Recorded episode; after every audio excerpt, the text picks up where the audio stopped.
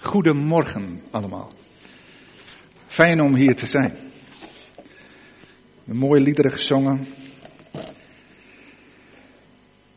Ik wil graag met u naar Leviticus 25 kijken. Ik hoop dat u een Bijbel hebt meegenomen. Dan kunt u meelezen. En dat is een bijzondere, ik moet eventjes wat instellingen doen.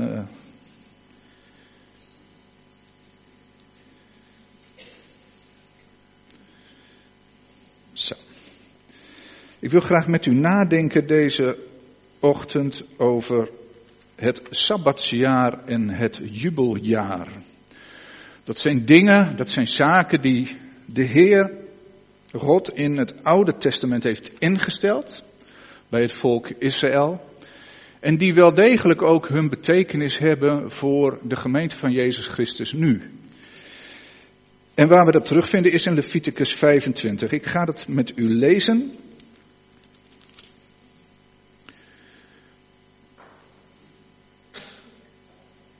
Nou, ik zie wel even tot hoe ver, want het is een behoorlijk gedeelte als ik het helemaal lees. Leviticus 25. Ik lees dit uit de nieuwe Bijbelvertaling, de NBV. Uh, maar ik zal straks vanwege de, uh, ja, wat, wat, wat, mij betreft wat meer krachtige en duidelijkere teksten, uh, wat meer de Statenvertaling gaan gebruiken. Dus mocht u in uw achterzak nog een Statenbijbel hebben, hè, dan kunt u die er ook bij pakken. Maar goed, digitaal is, heb je alles gewoon, dat, dat, ja, dat gaat allemaal prima. Ik ga met u lezen Leviticus 25.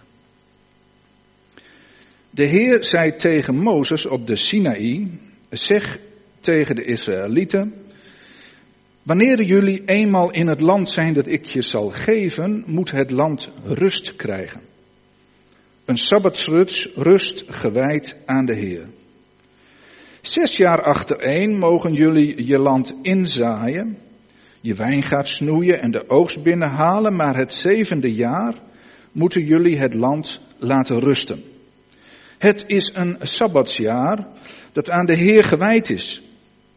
Je mag dan je land niet inzaaien, je wijngaarden niet snoeien, het koren dat vanzelf opkomt niet als oogst binnenhalen en niet de druivenoogsten van je ongesnoeide wijnstokken. Het moet een jaar zijn van volstrekte rust voor het land. Wat, wat er in dat jaar op het land groeit, is voor jullie allen. Je mag er zelf van eten, maar ook je slaven en slavinnen, je loonarbeiders en de vreemdelingen die bij je te gast zijn. Ook voor je veestapel en voor de in het wild levende dieren kan het als voedsel dienen. Na verloop van zeven sabbatsjaren, na zeven maal zeven jaar, wanneer er 49 jaren verstreken zijn, moeten jullie op de tiende dag van de zevende maand de ramshoorn luid laten schallen. Op grote verzoendag moet in heel het land de ramshoorn schellen. Schallen, sorry. Elk vijftigste jaar zal voor jullie een heilig jaar zijn. Waarin kwijtschelding wordt afgekondigd voor alle inwoners van het land. Dit is het jubeljaar, waarin ieder naar zijn eigen grond en zijn eigen familie kan terugkeren. Elk vijftigste jaar zal voor jullie een jubeljaar zijn. Je mag dan niet zaaien, het koren dat vanzelf opkomt niet als oogst binnenhalen en niet de druivenoogsten van je ongesnoeide wijnstokken. Het is een jubeljaar dat als heilig beschouwd moet worden. Jullie zullen dat jaar leven van wat er vanzelf opkomt. In het jubeljaar zal ieder naar zijn eigen grond terugkeren. En wanneer je een stuk grond aan een ander verpand of van een ander inpand neemt, mag je elkaar niet benadelen. Het aantal jaren, nou, dan, ik lees nu even niet verder, want er komt best een ingewikkeld stukje over uh, dingen die je terug moet geven en hoe dat dan precies zit met geld en al dat soort zaken. Ik ga eventjes uh, iets uh, verder. In vers 20. En mochten jullie je afvragen waarvan je het zevende jaar moet leven, als je niet mag zaaien en oogsten, Beding dan dat ik jullie het zesde jaar zal zegenen met een oogst die voor drie jaar toereikend is.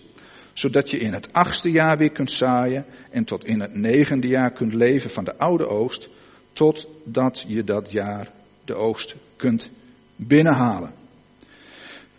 Nou, zo gaat het hoofdstuk dan verder met allerlei wetten en bepalingen die de Heer stelt van wat er in het jubeljaar, maar ook in het sabbatsjaar allemaal wel en niet mag gebeuren.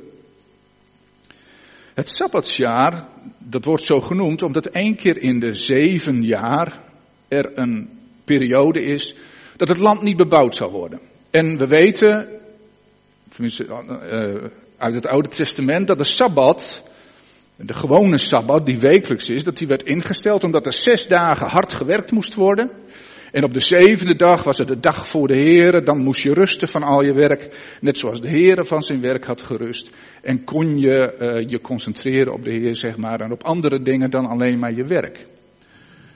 En als je kijkt naar eh, de schepping, dan heeft de Heer de zevende dag gerust van al zijn werken. Hij zag dat het goed was.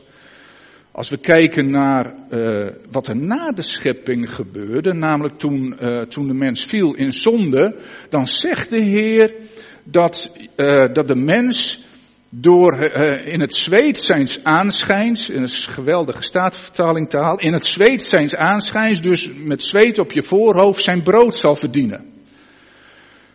Het is dus eigenlijk zo dat na de val van, van Adam en Eva, na de zondeval, nadat de mens tot kennis van goed en kwaad is gekomen en zich in het vertrouwen in God had afgekeerd door toch naar de Satan te luisteren, onze tegenstander te luisteren, dat de mens in een soort slavernij was terechtgekomen, waarin die zes dagen in ieder geval keihard moest werken om in leven te blijven. Nou, nu is dat tegenwoordig wel iets veranderd, maar het principe blijft. We moeten gewoon keihard werken om in leven te blijven. Vanmorgen was ik even aan het, uh, hoe noem je dat? Wassen en zo, weet je wel. Maar s ochtends maak je klaar en ik kwam de badkamer uit. Ik logeer altijd even uh, van zaterdag op zondag bij mijn moeder. Zodat ik zondagochtends wat meer ruimte heb om rustig met haar hier naartoe te reizen. En ik kom de badkamer uit en ik zeg tegen mijn moeder van tjonge, wat heeft de mens ook het werk om het allemaal een beetje netjes schoon en mooi te houden. En hebt u dat ook of heb ik dat alleen? En dan moet je je scheren en dan moet je, uh, nou goed, als je dat even niet doet en zo, dan ga je er niet uitzien, weet je. Dus de mens is eigenlijk, en ik geloof ook dat het echt wel met de zondeval te maken heeft, is er toe overgeleefd om elke keer heel veel werk te verzetten, heel veel arbeid te doen, om het allemaal een beetje netjes te houden. En toen heeft God gezegd tegen Mozes, nadat het volk was uitgeleid uit, uh, uit Egypte, uit de slavernij was uitgeleid, tegen Mozes gezegd van, let op, ik ga jullie uh, een wet opleggen en dat is een wet van vrijheid. Dat is namelijk dat je op de zevende dag niet hoeft te werken. Dat klinkt anders dan dat je zegt van, je mag niet werken. Ja? Als je zegt van, het is een vloek eigenlijk, die over de mens is gekomen om keihard te moeten werken om te kunnen leven, dan is die Sabbat is een zegen. Je hoeft niet te werken. Je mag rusten van je werk. Dat is de Sabbat. En voor dat Sabbatsjaar, wat waar we hier over lezen, bepaalt God eigenlijk eenzelfde principe. Maar dan niet alleen voor de mensen dat ze kunnen rusten, maar voor het land. Als u goed mee hebt geluisterd of gelezen, dan hebt u kunnen lezen dat het zevende jaar een jaar is waarin het land moet rusten. Want het land heeft zes jaren lang zware arbeid verricht om de oogst, te, om, om uh, tarwe, granen, aardappels, rijst, um, alles wat uit de grond komt, zeg maar, om dat te doen groeien. Zware arbeid verricht, mais en dat soort spul. En dat zesde, zevende jaar, dan moet het braak liggen. Dan moet het land rusten. Ik had er vanmorgen ook in de auto hier naartoe, hadden we het daar nog even over. Met mijn moeder. En mijn moeder komt uit een uh, boerenarbeidersgezin. Hè, met, hoeveel kinderen waren het er? 17? Nee, 12. Hè? het waren maar 12. 12 kinderen, uh, groot arbeidersgezin. En ze zei, mijn vader, die zei altijd, van die boeren die, uh, die doen niet goed. Want de Heere zegt dat in het zevende jaar dat je het land moet laten rusten. En uh, dat verbond hij dan ook aan dat het soms totaal niet goed ging. En dat het land werd uitgeput, zeg maar. Uh, dat, mensen weten dat, hè? De boeren weten het ook best hoor. Je put het land uit, maar wat moet je dan doen als het land uitgeput raakt en je wilt toch verbouwen? En dat, dan zei die, uh, mijn opa, die, die zei van, uh, ja, dat moet maar allemaal doorgaan, want er moet geld verdiend worden. Hè? Die boeren, die, dat waren natuurlijk van die rijke boeren in Oost-Groningen. Die moeten geld verdienen. Maar wat gebeurt er dan met het land? Het raakt uitgeput. Het land raakt uitgeput, dus wat moeten we doen? Allemaal kunstmest erin, allemaal kunstspul erin, om, toch maar de kracht in het land te hebben om het te laten groeien. En ik geloof dat dat niet voor niets is dat de Heer dit zegt. En dat moet dan het zevende jaar zijn. Ik geloof niet dat het voor niets is. Dat zijn principes die de Heer in de schepping heeft gelegd. Dat je dat land gewoon een jaar moet laten rusten. Als we dat even weer terugpakken naar de Sabbat, hè, zeg maar de gewone, de dag van rust, de toewijding aan de Heer. Dan, uh, dan kun je hetzelfde zeggen van de mens. Kijk, we, we leven in tegenwoordig een 24-7 samenleving, zo noemen we dat toch? 24 uur per dag, 7 dagen in de week. Moeten we alles kunnen? Nu direct, op elk moment. Moeten we een, winkel kunnen binnenlopen? We moeten uh, dingen kunnen kopen via internet. Alles moet bereikbaar zijn, 24-7. En we vinden dat allemaal prachtig. Maar het is niet voor niets dat de Heer die Sabbat heeft ingevoerd, want we putten onszelf uit. We putten onszelf uit. En als we onszelf uitputten, net als het land, wat moeten we dan doen? Allerlei hulpmiddelen gebruiken om het toch een beetje goed te houden. Ambtenaren, ik ben zelf ook een ambtenaar, dus ik mag het zeggen, doen dat met koffie. De cafeïne, om het allemaal weer een beetje op te peppen. Nou, andere mensen doen dat met andere dingen. De mens in het algemeen is zijn rust kwijtgeraakt. Nou, dat op, daar op zich zou je over kunnen preken. Dat ga ik niet doen. Ik ga wel dat principe nu even vasthouden. Het uitputten van het land. Het kunstmatig dan weer op kracht brengen en niet de, gehoorzaam zijn aan het woord van God, wat hij zegt. Want dat Sabbatsjaar op zich is natuurlijk heel bijzonder. Wat nog veel bijzonderder is, is dat het Joodse volk zich daar nauwelijks aan heeft gehouden. Vanaf het begin. Ik weet niet precies of ze zich er nooit aan hebben gehouden.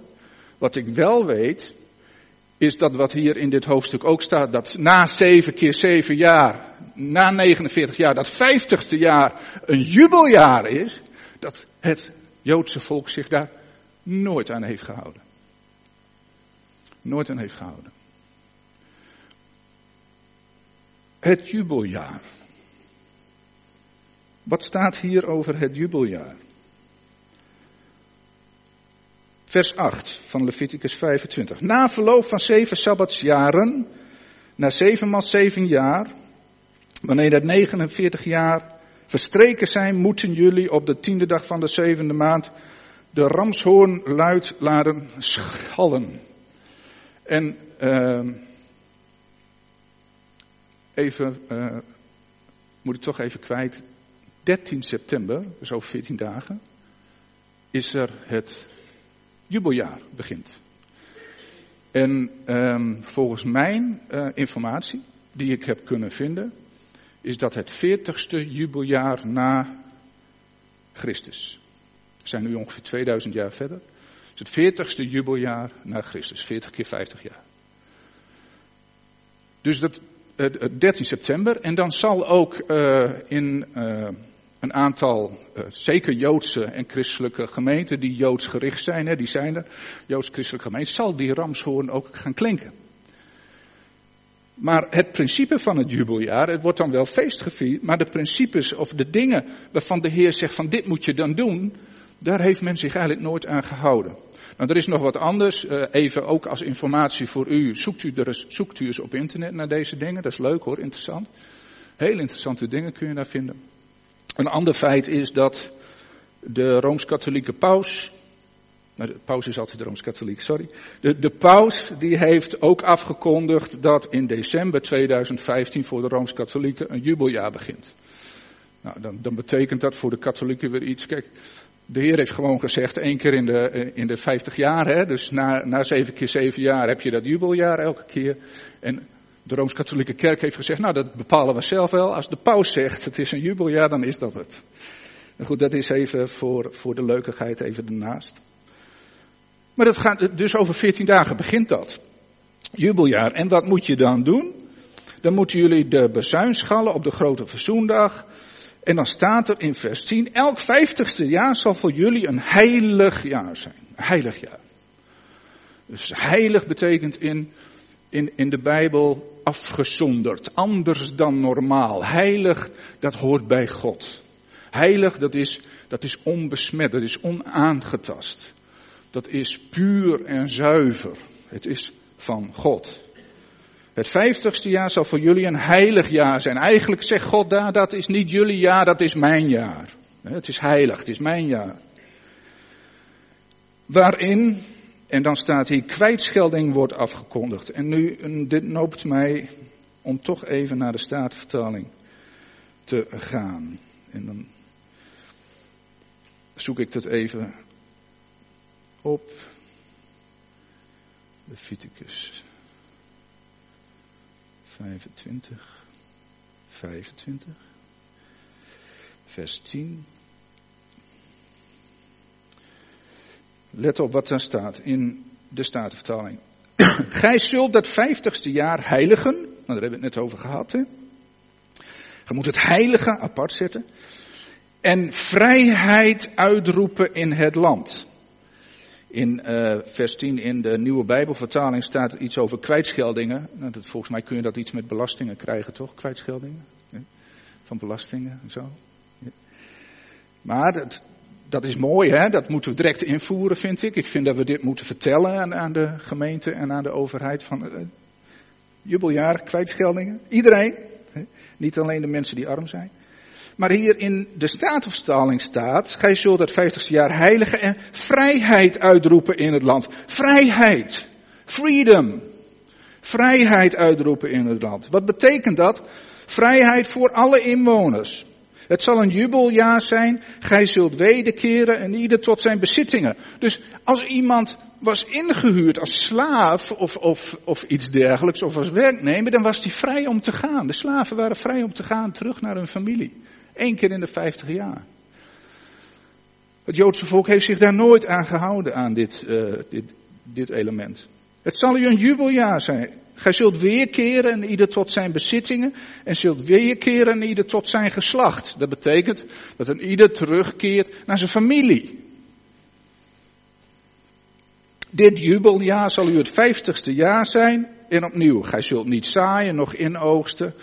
Wat wat vanzelf zal groeien mag je ook niet oogsten. Want het is een jubeljaar. Uh, en alle schulden, zeg maar, als iemand een, een hypotheek had op een huis genomen, omdat hij een huis had of op land, het ging dan vooral op land. En ook wel om huizen in steden. Als iemand dat had gedaan, dan werd die schuld werd kwijtgescholden. Ik vind dat we het gelijk moeten invoeren. Ik denk dat iedereen blij zal zijn, behalve misschien de banken. Maar die zijn al jarenlang blij geweest. dat weet ik niet, dat moet je maar even met de bank overleggen. Misschien als je hun dit vertelt niet. Misschien als je hun dit vertelt niet. Heb je een huis gekocht? Oh, nou oké. Okay. Was even geïnteresseerd. Even geïnteresseerd. Um, dus alle schuld kwijtgescholden. Het Joodse volk heeft zich hier nooit aan gehouden. En wat gebeurt er dan?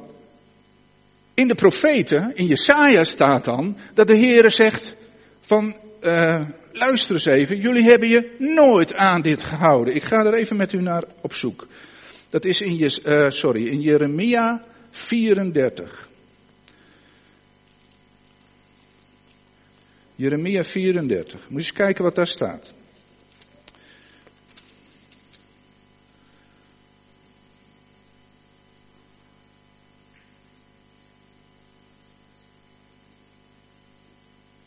vers 13. Jeremia 34, vers 13. En ik lees het nu even weer uit, uh, ik zit te twijfelen, maar toch even uit de nieuwe Bijbelvertaling. Dit zegt de Heere, de God van Israël. Nadat ik jullie voorouders uit de slavernij in Egypte had bevrijd, sloot ik een verbond met hen waarin ik bepaalde, elk zevende jaar moeten jullie de Hebreeuwse mannen en vrouwen die zich als slaven jullie verkocht hebben vrijlaten. Zij moeten jullie zes jaar dienen, daarna moeten jullie hun de vrijheid teruggeven. En dit gaat dus wel over het Sabbatjaar, maar in het jubeljaar was dat nog uh, veel meer. Maar jullie voorouders luisterden niet naar mij. Ze hebben mij niet gehoorzaamd. Dat deden jullie aanvankelijk wel door een algehele vrijlating af te kopen. Hebben jullie gedaan wat goed is in mijn ogen. En dat is, dat is omdat ze zich op dit moment, waar, waar Jeremia spreekt, bekeerd hadden. dus hij zegt van, jullie hebben nu, hebben jullie wel een, het wel goed gedaan. Nu hebben jullie je bekeerd. Jullie zijn ten overstaan van mij in de tempel, waaraan mijn naam verbonden is, die verplichting aangegaan. dus, dus iemand kwam tot de ontdekking, die koning kwam tot de ontdekking van we hebben het jarenlang gewoon niet gedaan. We hebben niet naar God geluisterd, we hebben niet gehoorzaamd. We moeten ons bekeren. Toen werd de, uh, gezegd van we moeten dat weer doen. Uh, en we moeten die mensen weer vrijlaten. Maar dan zegt de Heer, maar toen kwamen jullie erop terug. Jullie hebben mijn naam te schande gemaakt door je slaven en slavinnen terug te halen. Eerst lieten jullie hen gaan en waren ze vrij, maar later onderwierpen jullie hen weer. Daarom, dit zegt de Heer, omdat jullie niet naar mij hebben geluisterd, je volksgenoten niet de vrijheid hebben gezonken, geef ik het zwaard, de honger en de pest, de vrijheid om jullie te treffen. Dat is niet niks, hè, wat de Heer hier zegt. Dus omdat jullie je slaven en slavinnen niet hebben vrijgelaten, zoals ik had gezegd één keer in de zeven jaar, laat ik uh, zwaard, honger en pest, geef ik de vrijheid om, over jullie, om jullie te treffen. Ik maak jullie tot een afschrikwekkend voorbeeld voor alle koninkrijken op aarde. En dan komt er nog zo'n soort stukje en dan gaat het erover, even kijken hoor, uh, dat het volk uh, dat Jeruzalem veroverd zal worden en dat het volk in ballingschap zal gaan. Waarom lees ik dit voor? Waarom heeft dit mij gepakt? Het heeft mij gepakt omdat de ballingschap van het volk Israël, zeg maar een, een oordeel van de Heer over het volk Israël toen in de tijd. Iets van 400 jaar voor Christus of iets dergelijks. Ik weet het niet precies zo even uit mijn hoofd. Uh, toen in de tijd ging erom omdat ze niet gehoorzaam waren aan God. Maar wat was het dan precies waar ze niet gehoorzaam aan waren? En dat heeft mij zo getroffen. Ze hebben het jaar van de vrijheid niet in praktijk gebracht. Het ging er niet om dat ze, natuurlijk speelde dat ook wel een rol, maar de Heer noemt hier niet van, van jullie hebben uh, allerlei van, van mijn woord overtreden en dergelijke. De kern van de zaak is dat de Heer zegt, jullie hebben niet die vrijheid die ik had bepaald in mijn woord, hebben jullie niet gehouden. En dat is de reden waarom ik dit doe. Ik vind het nogal wat. Ik vind het nogal wat. En als we dan, daar kunnen we iets van leren. En ik wil nu graag even een uh, verbinding maken met ons, met ons leven, met ons uh, jubeljaar. Even een retorische vraag, en u mag uiteraard antwoorden als u wil. Hebben wij ook een jubeljaar?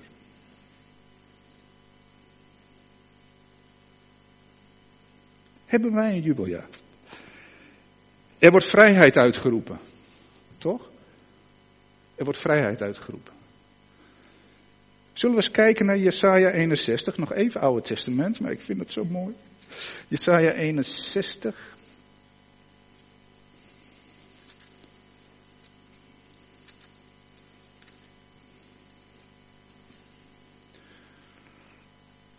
En daar staat heel mooi boven de profetie over de komende glorie.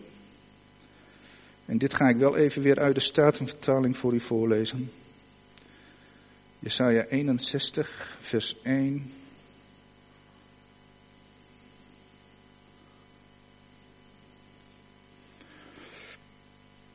De geest des Heren is om mij, omdat de Heere mij gesalfd heeft.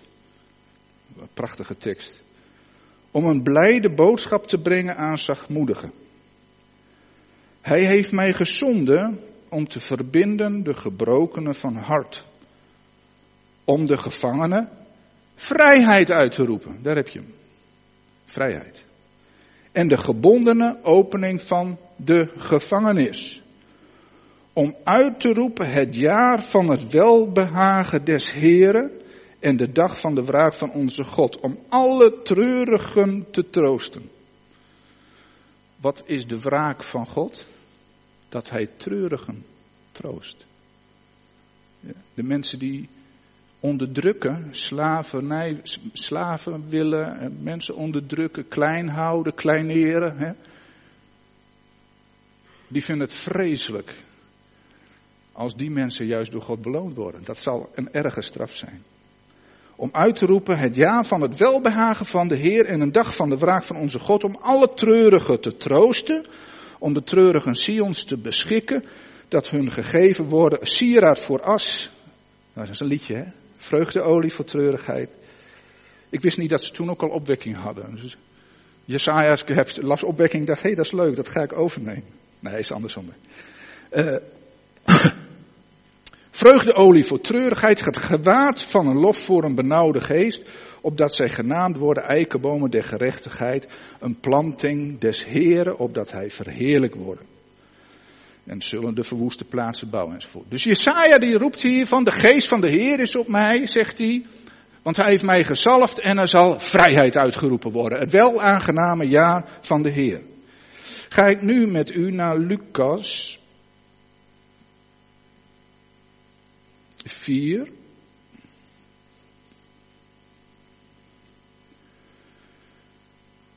Even kijken, nee, dat is niet helemaal juist. Lucas 4, ja het is wel Lucas 4, maar niet vers 1, vers 18.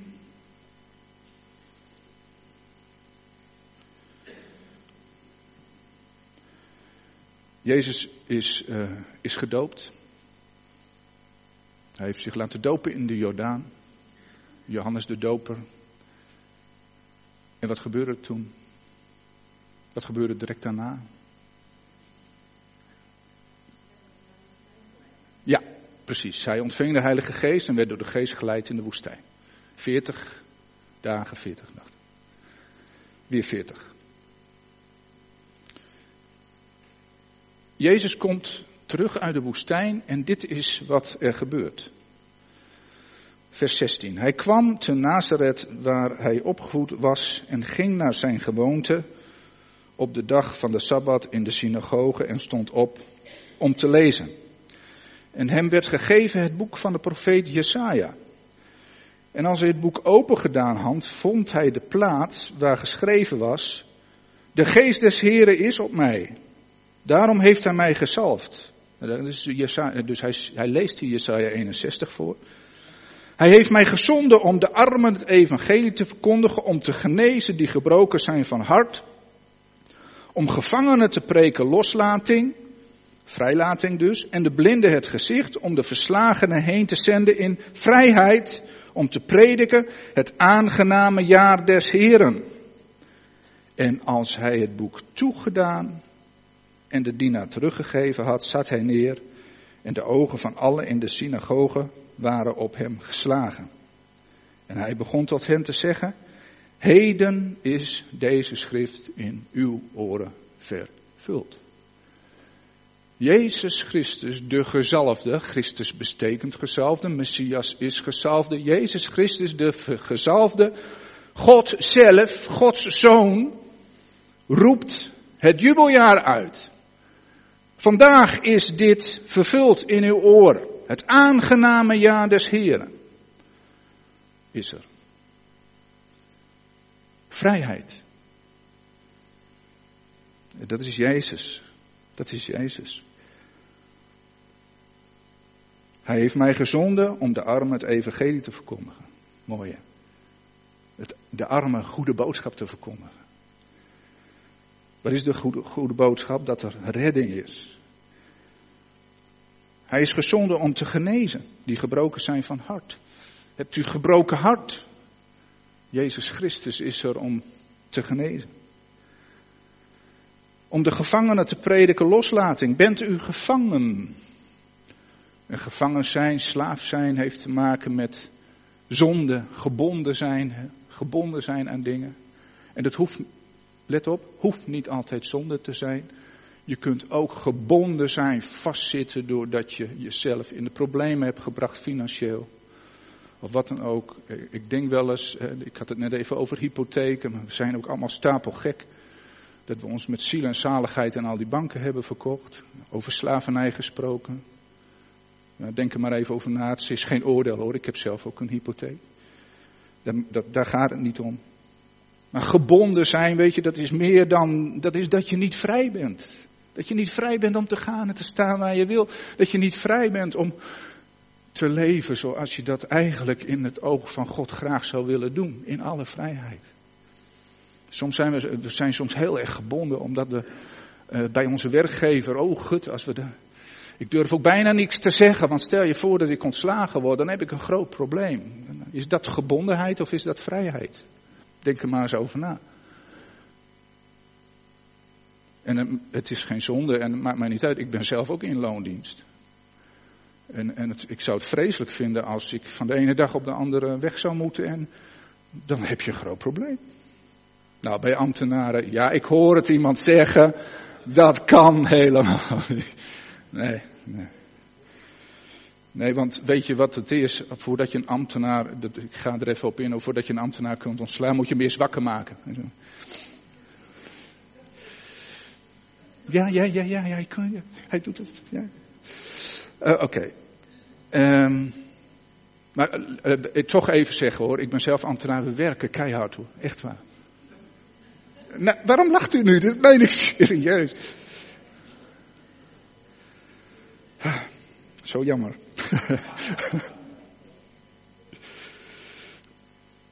Oké, even weer terug. Uh, om te genezen gebrokenen van hart, om gevangenen te prediken loslating. Blinden het gezicht, hè? mensen die niet, gewoon niet meer zien. Zo laat, ik het zomaar zeggen. Mensen die het gewoon niet meer zien, krijgen het gezicht terug, krijgen weer hoop. Om verslagenen heen te zenden in vrijheid. Dus zeg maar verslagen, dat zijn mensen die, die, die overmand zijn door het leven. En, en daardoor in gebondenheid zijn, niet meer vrij zijn, niet meer het idee hebben dat ze kunnen, kunnen leven vanuit hun eigen hart, vanuit hun eigen energie. Maar geleefd worden door omstandigheden en al dat soort dingen. Om verslagenen heen te zenden in vrijheid om te prediken het aangename ja, des Heren. Heden is deze schrift in uw oren vervuld. Het is, ik, je zou daar gezeten hebben, jongens. En je van, wauw. Het jubeljaar is aangebroken.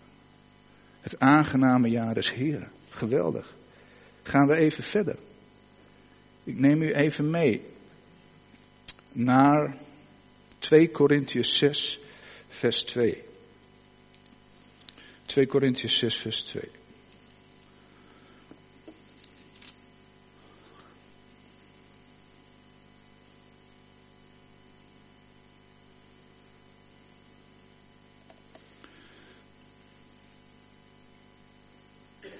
2 Korintiërs 6, vers 2.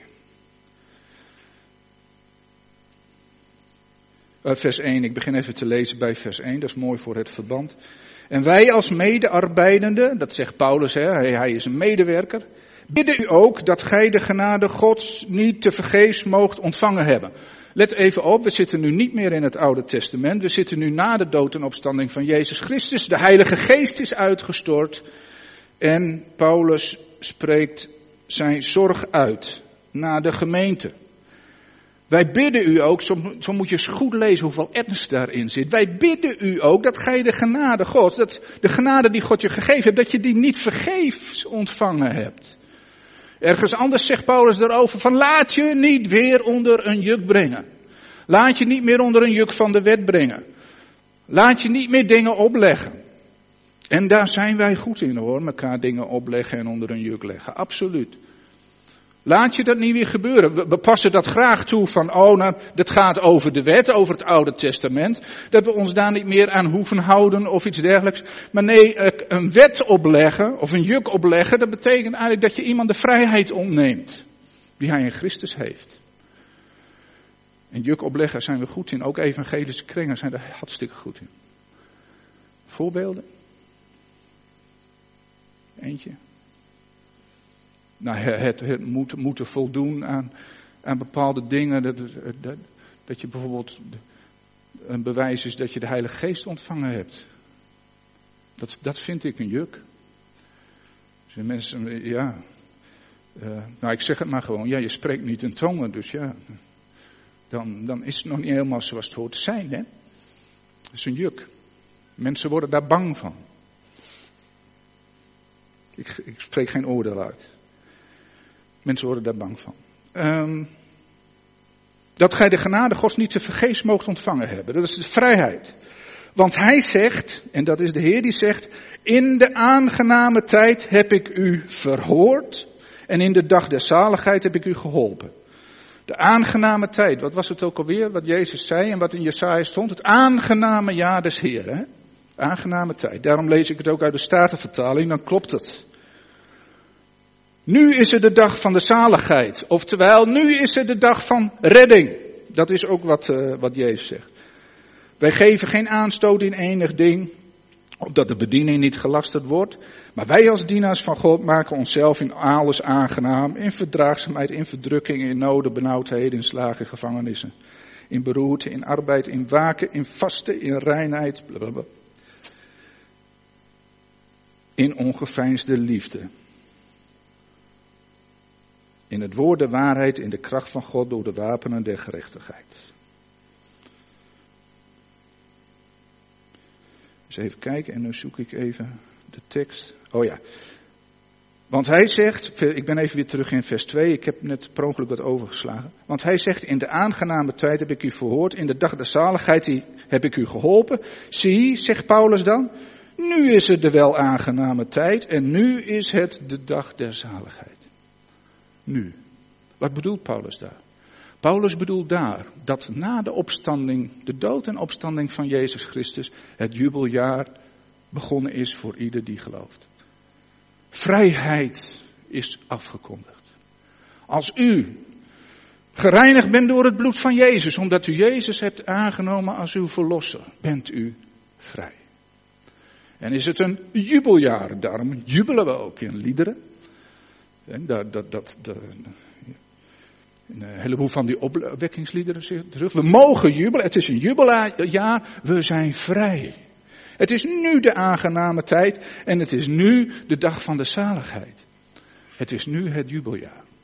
En nu ga ik even terug naar de praktijk, want ik ga er ook proberen een conclusie aan te maken. Hoe gaan wij om met ons jubeljaar? Het werd voorgeschreven aan het Joodse volk. Zij hielden zich er niet aan. Wat was het grote punt waar God zich het meest druk om maakte? Is dat, dat, dat de principes van het jubeljaar niet in de praktijk werden gebracht. Ze lieten de slaven gewoon niet meer vrij. En als ze dat al een keer gedaan hadden, namen ze ze net zo snel weer gevangen. Wat betekent dat van ons? Wat is de praktijk van de vrijheid in Jezus Christus? Ik, ik, er zijn heel veel voorbeelden. Hè? Uh, Jacobus bijvoorbeeld, die zegt van, uh, het is de, we, we, leven in de wet van de vrijheid. Hè? En waar de geest van de Heer is, daar is vrijheid. Daar is vrijheid. Paulus zegt ergens, en dat vind ik een prachtig woord, zijt niemand iets schuldig dan elkaar lief te hebben. Het is jubeljaar, is de tijd van de vrijheid, is de tijd van het loslaten, is de tijd van het terugkeren, zeg maar, hè, naar je geslacht, naar je huis enzovoort, is de tijd van de liefde. De on, uh, hoe noem je dat altijd zo mooi? De liefde die niet terugvraagt. De agape liefde. De onvoorwaardelijke liefde die alleen God kan geven. Liefde tussen broeders en zusters. Liefhebben. Het is de tijd waarin geen ruimte is voor gevangenschappen. Voor juk.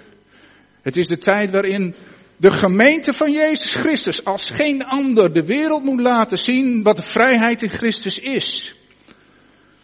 En ik vraag mij af, en ik vraag u ook even af. Wat ziet de wereld als ze kijkt naar de gemeente van Christus? Ziet ze überhaupt nog een gemeente van Christus? Of ziet ze dan rare groepen, Uh, ja, dat kan. Ik bedoel, de, de wereld heeft God uitverkoren. Het zijn allemaal rare groepen. Dat is ook zo. Maar wat zien we? Zijn wij bereid om inderdaad vrijheid te verkondigen? Dus ik ben vrij in Christus. Niet om te zondigen, zegt Paulus. Maar vrij om Gods wil te doen. En nu is er een ding dat ik zeer serieus neem en waar, uh, waar je nog weer een preek aan zou kunnen wijden. Dat ga ik dus nu ook niet doen. Maar de Satan doet er alles aan om die vrijheid in te perken. Het zal in de komende jaren steeds meer voorkomen dat wij niet vrij ons geloof kunnen uiten of wat we vinden van bepaalde dingen. Of dat wij het, het staan op Gods woord. Dat zal steeds meer voor gaan komen. Omdat principes in de wereld heel anders zijn. Ik heb, ik wil even, um, ik heb een stukje gezien van de speech van Obama. Nadat, uh, nadat een rechter in Amerika het homohuwelijk had, had gelegaliseerd. Zeg maar. Ik weet niet, heeft iemand dat gezien, dat, wat Obama daarna zei? Niemand? Nee. Hij zei van uh, wij mogen als mensen niet uh, bepalen hoe mensen elkaar lief willen hebben. Daar, daar ging het mij even om, dat triggerde mij ook. Ik oké, wij mogen daar dus niks van vinden. En dat liefhebben, dat wordt dus op, ook op een andere manier uitgelegd. En nogmaals, ik heb helemaal niks tegen homoseksuelen. In de zin van, het zijn mensen die hè, net zo waardevol zijn als u en ik. Daar gaat het niet om. Het gaat om principes van God. En overal worden principes van God overboord gegooid. En dan niet alleen op het gebied van seksualiteit. Want dat, als je daarover gaat nadenken, dan word je helemaal niet goed. Maar ook op het gebied van geld. Wat ik net al even, de, de macht van de banken, noem maar op. Hoe deze wereld in elkaar zit. Systemen die ons onderdrukken, terwijl we dat allemaal maar, voor goed en voor lief nemen. De wereld zit, wat dat betreft, heel anders in elkaar. En ik, ga, ik, ik geloof dat in de toekomst de vrijheid die christenen hebben steeds meer beperkt zou kunnen worden. Dat wij niet meer uit kunnen komen voor wat wij willen. Nou, waar gaat het nu even om in de conclusie van dit verhaal? Mensen, het is jubeljaar. Het is jubeljaar. We zijn vrije mensen. Brengen we dat ook inderdaad in de praktijk? Of gaat God tegen ons zeggen van ik heb jullie vrijgemaakt en wat doe je nu? Je zit elkaar een juk op te leggen en je, je, je maakt elkaar weer tot slaven en weet ik veel. Nou hebben we dat in het verleden natuurlijk enorm gezien in de Rooms-Katholieke Kerk, maar vergeet uh, absoluut de reformatorische kerken niet. Waarin je met angst en beven in de banken zat. De vrijheid in Jezus Christus. En hoe zit dat met uw eigen hart? Ben je werkelijk vrij? Paulus zegt ergens, en dat vind ik zo'n geweldig mooie tekst. En die wil ik dan als laatste ook meegeven.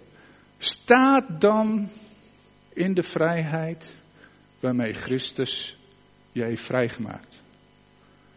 Dus ontdaan van alle lasten en zonden die zo makkelijk in je weg liggen en ren die loopbaan. Het jubeljaar.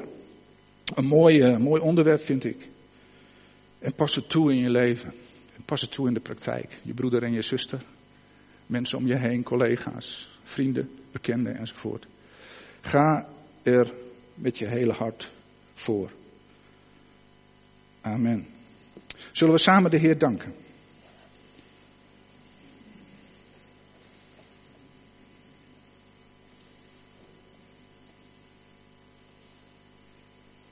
Vader in de hemel, ik wil u danken voor uw woord, Heer, en de liefde die u daarin uitspreekt. Juist over de zwakkere mensen. Juist over hen die ja, het niet zo goed weten, die het niet zo goed kunnen vinden, die misschien gebonden zijn aan alle kanten omdat ja, de wereld op een bepaalde manier is gestructureerd, Heer, in, in elkaar zit. Heer, u kent uh, onze aller harten. U weet wie wij zijn, Heer. En Vader, u hebt ons ook vrijgemaakt in Jezus Christus. Vader, wat is het geweldig om te weten dat als wij gebogen hebben voor uw kruis en als wij, als wij uh, het bloed van Jezus hebben aanvaard, Als we hebben beleden dat we zondaars zijn, Heer, en het zonder u niet kunnen. Heer, dank u wel dat u ons dan hebt vrijgemaakt door het bloed van Jezus. Dat het bloed van Jezus genoeg is, Heer. Dank u wel dat door de opstanding van Jezus, dat zo ook staat, dat wij opgestane mensen zijn, dat we nieuw geboren mensen zijn, opgestaan uit de dood, dat we vrij mogen zijn, Heer. Dank u wel daarvoor.